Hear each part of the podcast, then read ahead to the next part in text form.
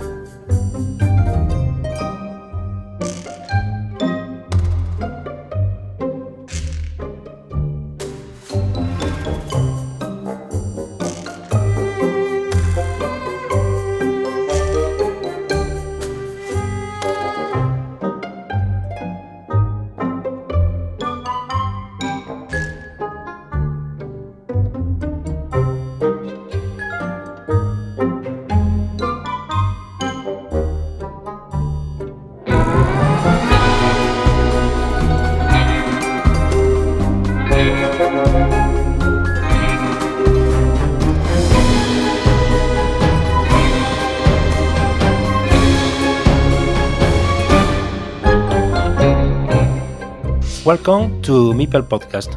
This is Joaquin at the microphone.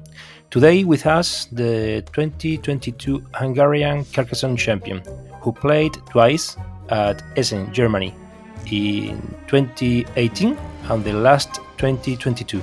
szigfrid at BGA in the real life, uh, Joseph Tihon. Hello, Joseph. How are you? I'm fine, thank you, and thanks for inviting me to your podcast.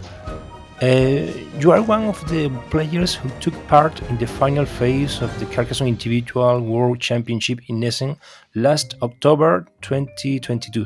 There were uh, 34 players, and your final position was uh, 24. Have you achieved your expectations given the level of this competition, and what was your experience at the end? Yeah, well, honestly, I had uh, mixed feelings. Uh, on the one hand, uh, you're taking part at the World Championships of your favorite game and playing against some of the best players of the world is a huge experience in, itself. Uh, on the other hand, though, it, I was very close to a much better result, but there was a key moment when I made a crucial mistake, uh, which was annoying. But um, yeah, there, there is no better option than trying to learn from the mistakes and avoid them next time. Your participation in 2020, in 2018, uh, excuse me, left you in a similar position, 23rd. What similarities and differences are there between that occasion and this one for you? Yeah, it seems that I'm really consistent at the World Championships. Uh, at both occasions, I won two games uh, out of five. But in in 2018, mm, those were my last two games, while in 22 I won my first two games, which at the end of the day makes you feel very different. uh, another similarity is that at both tournaments I uh, had a game where the final point difference was only one point. But uh, while four years ago I could win that game by one point, by the way, it was against the Spanish player uh, Lorenzo Soler.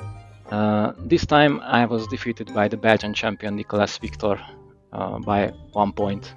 So you see, success sometimes depends on these little nuances. And actually, the way I qualified for these World Championships is again a very different story.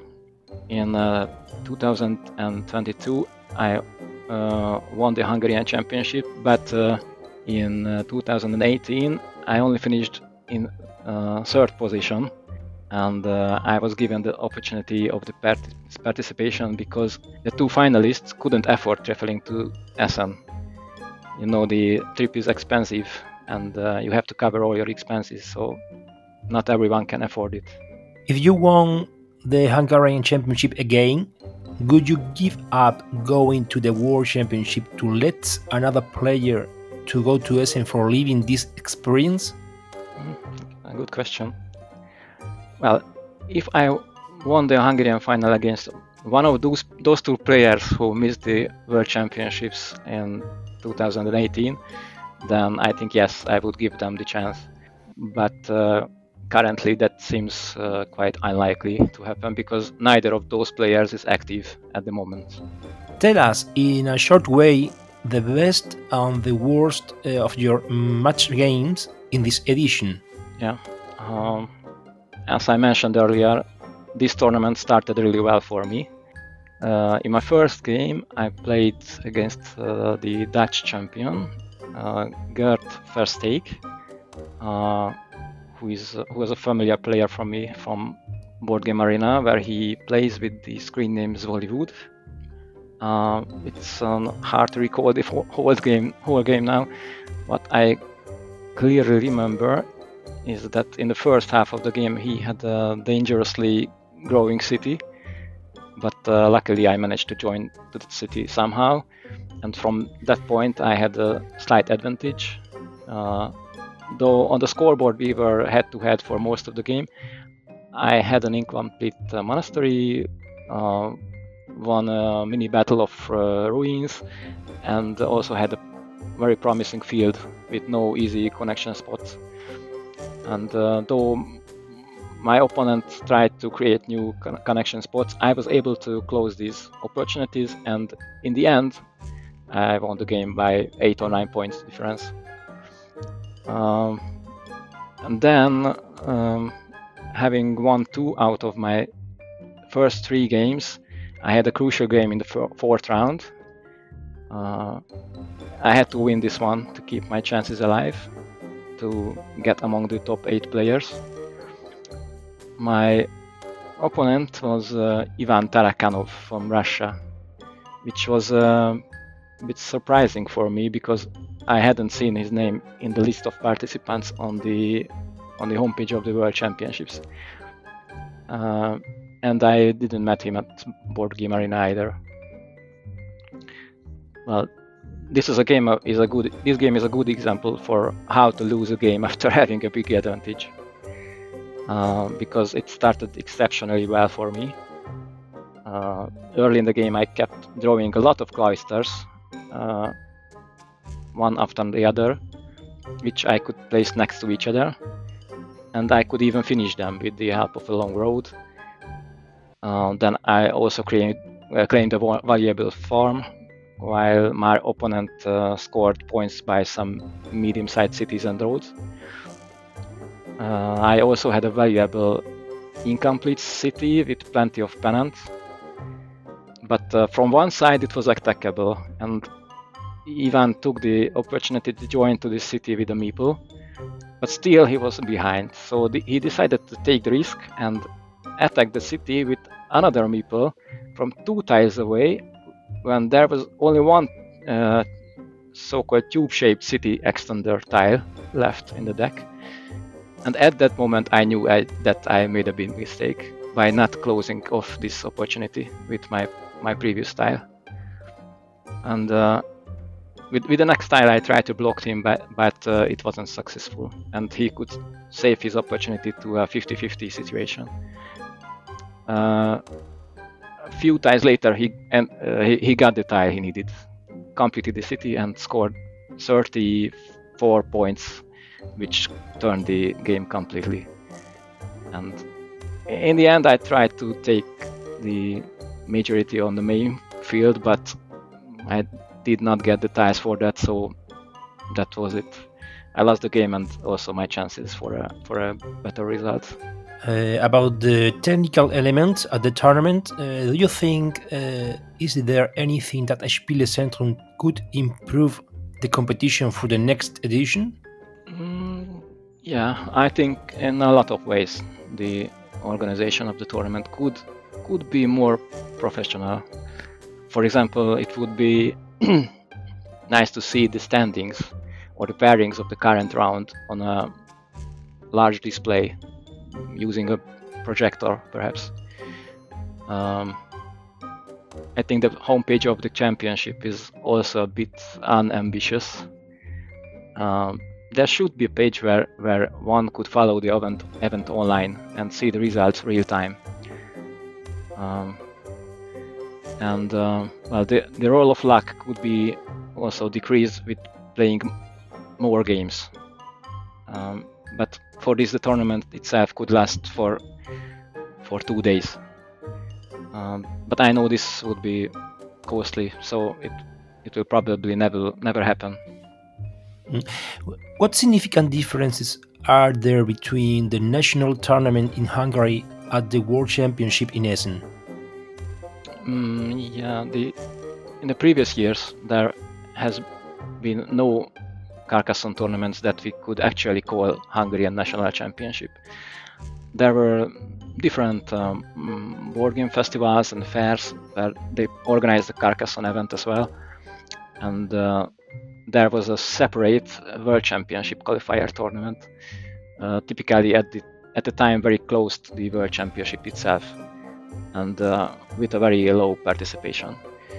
Uh, but in 2022, finally, a new annual Carcassonne competition has been started with uh, regional qualifier tournaments um, in the spring and final tournament in the summer, and where the winner also qualifies for the World Championship. Uh, as this is a new competition, the rules are not perfect yet. For example, they should work, I think, on the tiebreaker rules or how to handle tied games.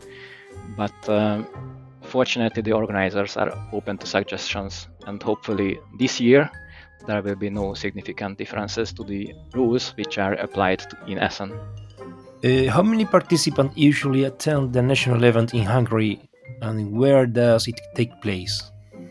Well, this year um, there were, I think, around 100 players who took part in the in the regional qualifiers, and uh, and the 12 players uh, qualified for the final tournament in in Budapest. Mm-hmm. Interesting. You are one of the highest ELO Carcassonne players on BGA. Do you think ELO is important to establish or understand the level of a player? Well, in, in general, yes, but uh, on BGA, ELO, ELO can be misleading in terms of uh, the World Championship format of Carcassonne. I mean, uh, real-time games with uh, 15 minutes thinking time, because uh, ELO on BGA is composed of uh, every kind of Carcassonne formats available there. So, for example, games including real-time and turn-based games, games with expansions, games with more than two players, uh, even the games played by the strategic variant where you have three tiles in hand. And these are all very different types of Carcassonne games.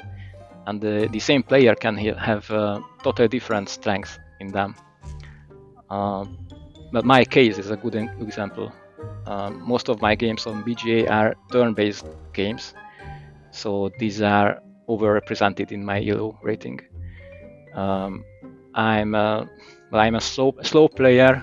Uh, the World Championship format with uh, 15 minutes thinking time is a bit short for me, and uh, I often often make my last move within the last few seconds of my time, which is a problem because then in time travel I can't properly calculate the most optimal move.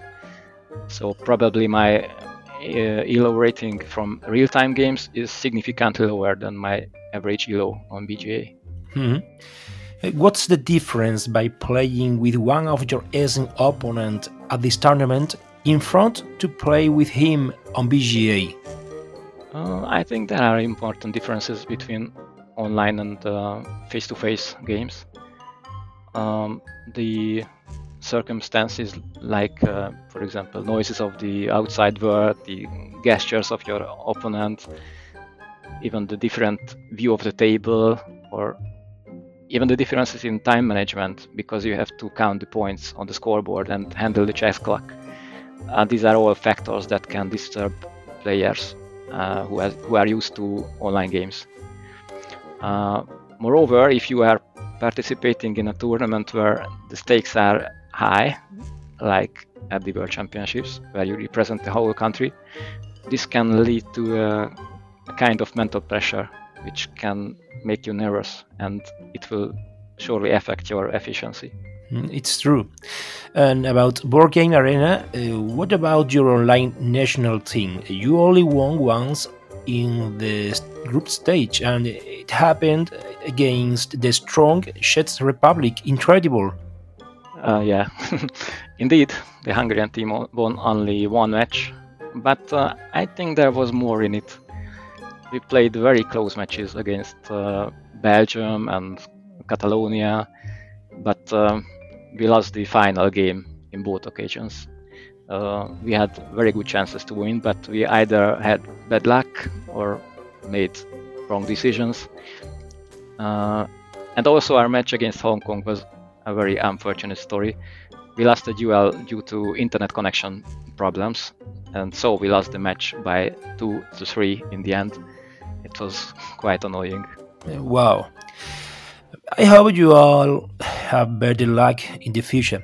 Can you tell us what your nickname means? Yeah, my nickname on Board Game Arena is uh, szigfrid, which is uh, actually the name of a, of a ret- retired circus lion from one of my favorite Hungarian children's books called The Square Around Forest, which was written by Ervin Lazar. Uh, and uh, my whole family is a huge fan of this book. Uh, we often quote whole sentences from it in everyday conversations. Uh, and by the way, a few years ago, this book has been translated into English language. So now I can recommend it to English speaking audience as well. Although I, I am not sure where it is. Where is it uh, available outside of Hungary? Hmm. Uh, Joseph, is Carcassonne your life game? Well, at least the game of half of my life. I didn't know about its uh, existence until my 30th birthday when I uh, received the first edition base game as a birthday gift. Uh, it was the first uh, modern board game in my collection and I loved it immediately. Uh, it's very easy to learn, it has simple, straightforward rules, beautiful tiles, and uh, fabulous expansions, which I've been collecting ever since then. Um, for a long time, Carcassonne was an entertaining family game for me, just like for most people. And uh, even now, when I'm a competitive player uh, with the base game, I still enjoy playing uh, mega Carcassonne games with lots of expansions, which uh, add so much vari- variety to the game. I think. You fell in love with Carcassonne. yes. Tell us something I haven't asked you in this interview, please.